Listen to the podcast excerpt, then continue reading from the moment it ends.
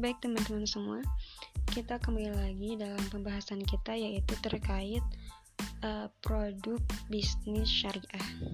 Dan episode kali ini kita akan membahas dana pensiun syariah. Di mana uh, kenapa sih apa kita bahas terlebih dahulu landasan kenapa dana pensiun syariah ini diperbolehkan. Nah, terdapat dalam Quran surat Luqman ayat 34 bahwa e, sesungguhnya Allah hanya di sisinya sajalah ilmu tentang hari kiamat dan dia yang menurunkan hujan dan mengetahui apa yang ada dalam rahim. Dan tidak ada seorang pun yang dapat mengetahui dengan pasti apa yang akan dikerjakannya besok. Dan tidak ada seorang pun yang dapat mengetahui di mana bumi ia akan mati.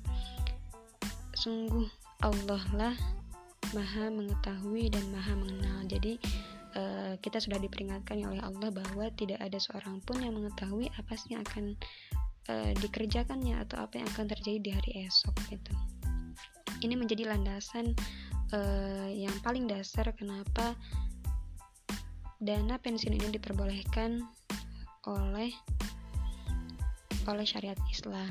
Kemudian dalam sebuah kaidah fikih dikatakan bahwa eh, segala mudorot atau bahaya itu harus dihilangkan. Kemudian segala mudorot, bahaya, kerugian harus dihindarkan sedapat mungkin. Jadi untuk menghindari kejadian-kejadian yang akan memungkinkan terjadi di masa yang akan datang, terkhusus di uh, di masa renta lagi, di masa udah tua, pensiun, kemudian kan pasti memiliki kebutuhan-kebutuhan yang lebih besar, terutama risiko kesehatannya mulai menurun gitu harus memiliki dana-dana yang memang harus cukup gitu. Makanya kenapa dana pensiun syariah ini diperbolehkan. Sebenarnya dalam uh, beberapa hal hampir sama dengan dana pensiun konvensional cuma dalam dana pensiun syariah ini jelas ya dalam uh, ketika menginvestasikan atau sumber dana yang uh, yang akan dikontribusikan itu atau yang akan diiurkan itu harus terhindar dari hal-hal yang melarang hal-hal yang dilarang oleh syariat Islam. Kemudian uh, apa aja sih akad-akad atau skema akad yang digunakan dalam dana pensiun syariah ini?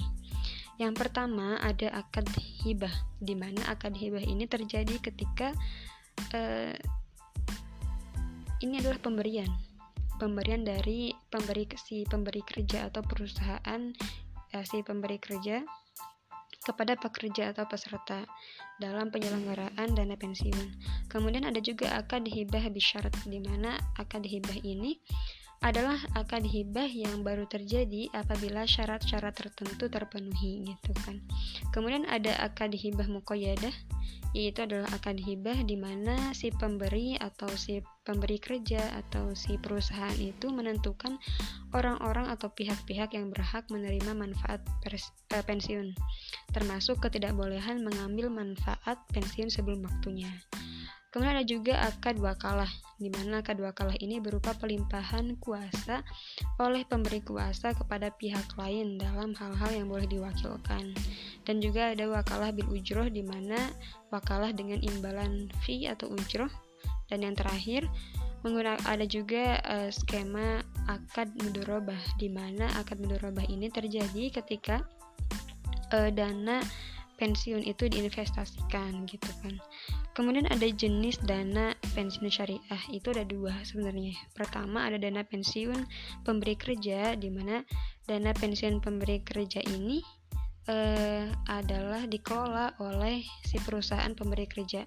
Kemudian dana pensiun lembaga keuangan itu adalah dana pensiun yang dibentuk oleh bank. Jadi yang mengelola uh, dana pensiunnya adalah lembaga keuangan atau bank.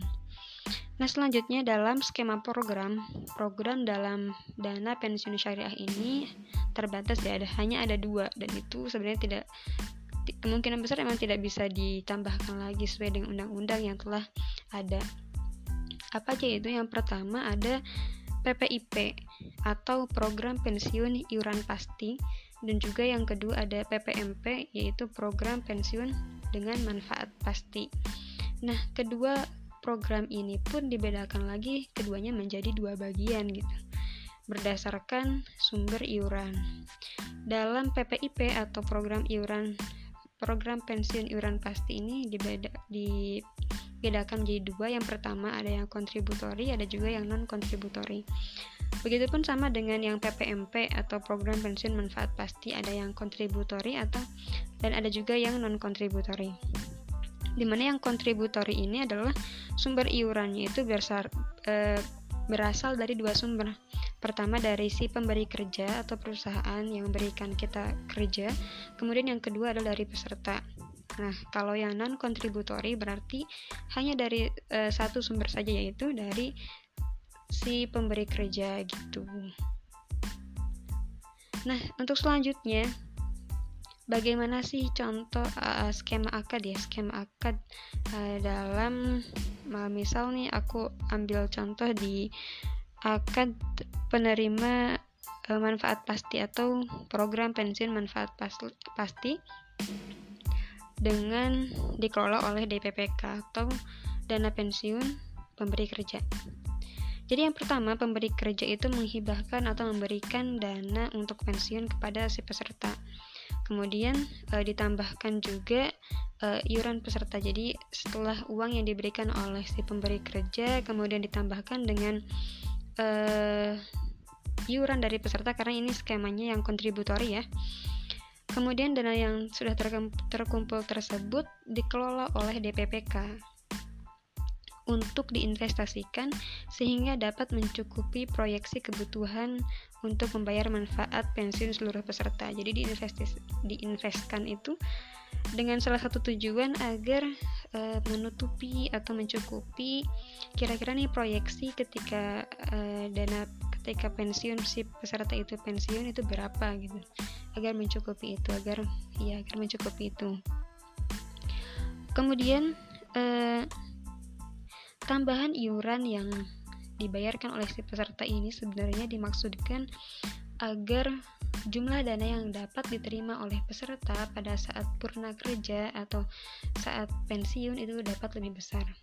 Nah, dalam skema uh, program pensiun manfaat pasti ini, pemberi kerja bertanggung jawab terhadap kecukupan dana untuk pembayaran manfaat pensiun. Jadi misalkan nih, apabila terjadi atau e, ketika dana yang diproyeksikan itu tidak mencukupi atau kekurangan, masa maka pemberi kerja ini har, masih mem, memiliki tanggungan. Ia memiliki tanggungan untuk memberikan tambahan hibah agar dananya cukup. Jadi e, dana pensiun ketika cukup atau tidak itu masih menjadi tanggungan dari pemberi kerja atau perusahaan yang memberikan kerja.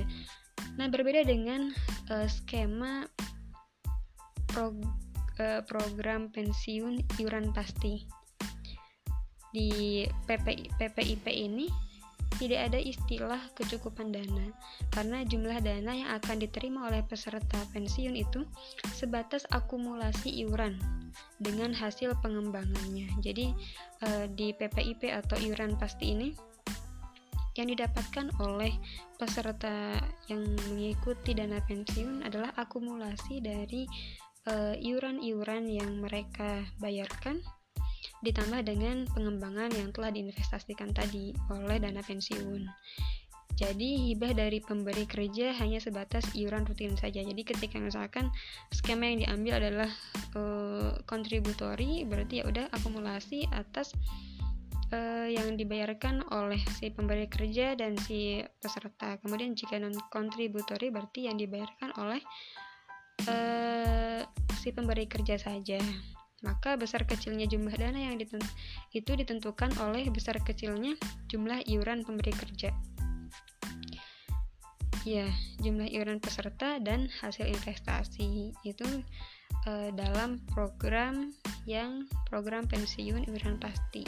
Kalau tadi manfaat pasti dia mem, apa sih pensiunan tersebut si peserta yang pensiun tersebut mendapatkan uh, manfaat baik itu mungkin ahli warisnya atau istrinya anaknya gitu atau yang ia tunjuk gitu jadi gitu ya ya mungkin itu ya terkait uh, tadi aku udah jelasin juga terkait skema kemudian studi kasus boleh deh studi kasusnya itu misal ada pak uh, pak siapa lagi pak Ali.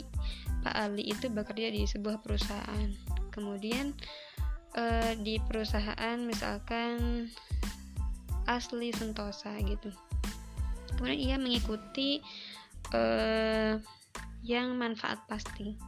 Manfaat pasti di dengan jenis dana pensiun syariah pemberi kerja atau DPPK dan dia yang mengikutinya yang kontributori.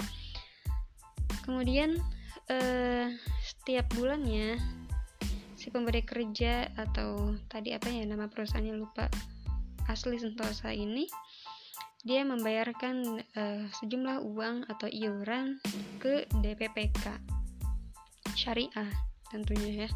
Kemudian Pak Ali juga memberikan iuran eh, dan uh, memberikan iuran kepada dana pensiun uh, pemberi kerja dengan akad wakalah jadi mewakilkan kemudian DPPK syariah ini menginvestasikan uh, ke uh, ke perusahaan-perusahaan atau ke efek-efek uh, yang memang tidak bertentangan dengan syariah gitu dengan akad-akad investasi yaitu mudorobah. Kemudian dari hasil investasi, investasi tersebut kan mendapatkan imbal atau bagi hasil dan akhirnya nanti ketika si Pak Ali ini udah memasuki usia pensiun atau dengan syarat-syarat tertentu akhirnya Pak Ali bisa mendapatkan atau dana pensiun e, pemberi kerja syariah tadi memberikan atau membayarkan manfaat pensiun dari uh, eh, DPPK tadi. Ya mungkin itu ya terkait contoh atau studi kasus singkat uh, dana pensiun syariah menggunakan skema akad uh, program pensiun manfaat pasti dengan jenisnya itu DPPK atau dana pensiun pemberi kerja syariah dan kontributori. Ya itu yang bisa aku uh, jelaskan sedikit Semoga bermanfaat. Terima kasih dan Assalamualaikum warahmatullahi wabarakatuh.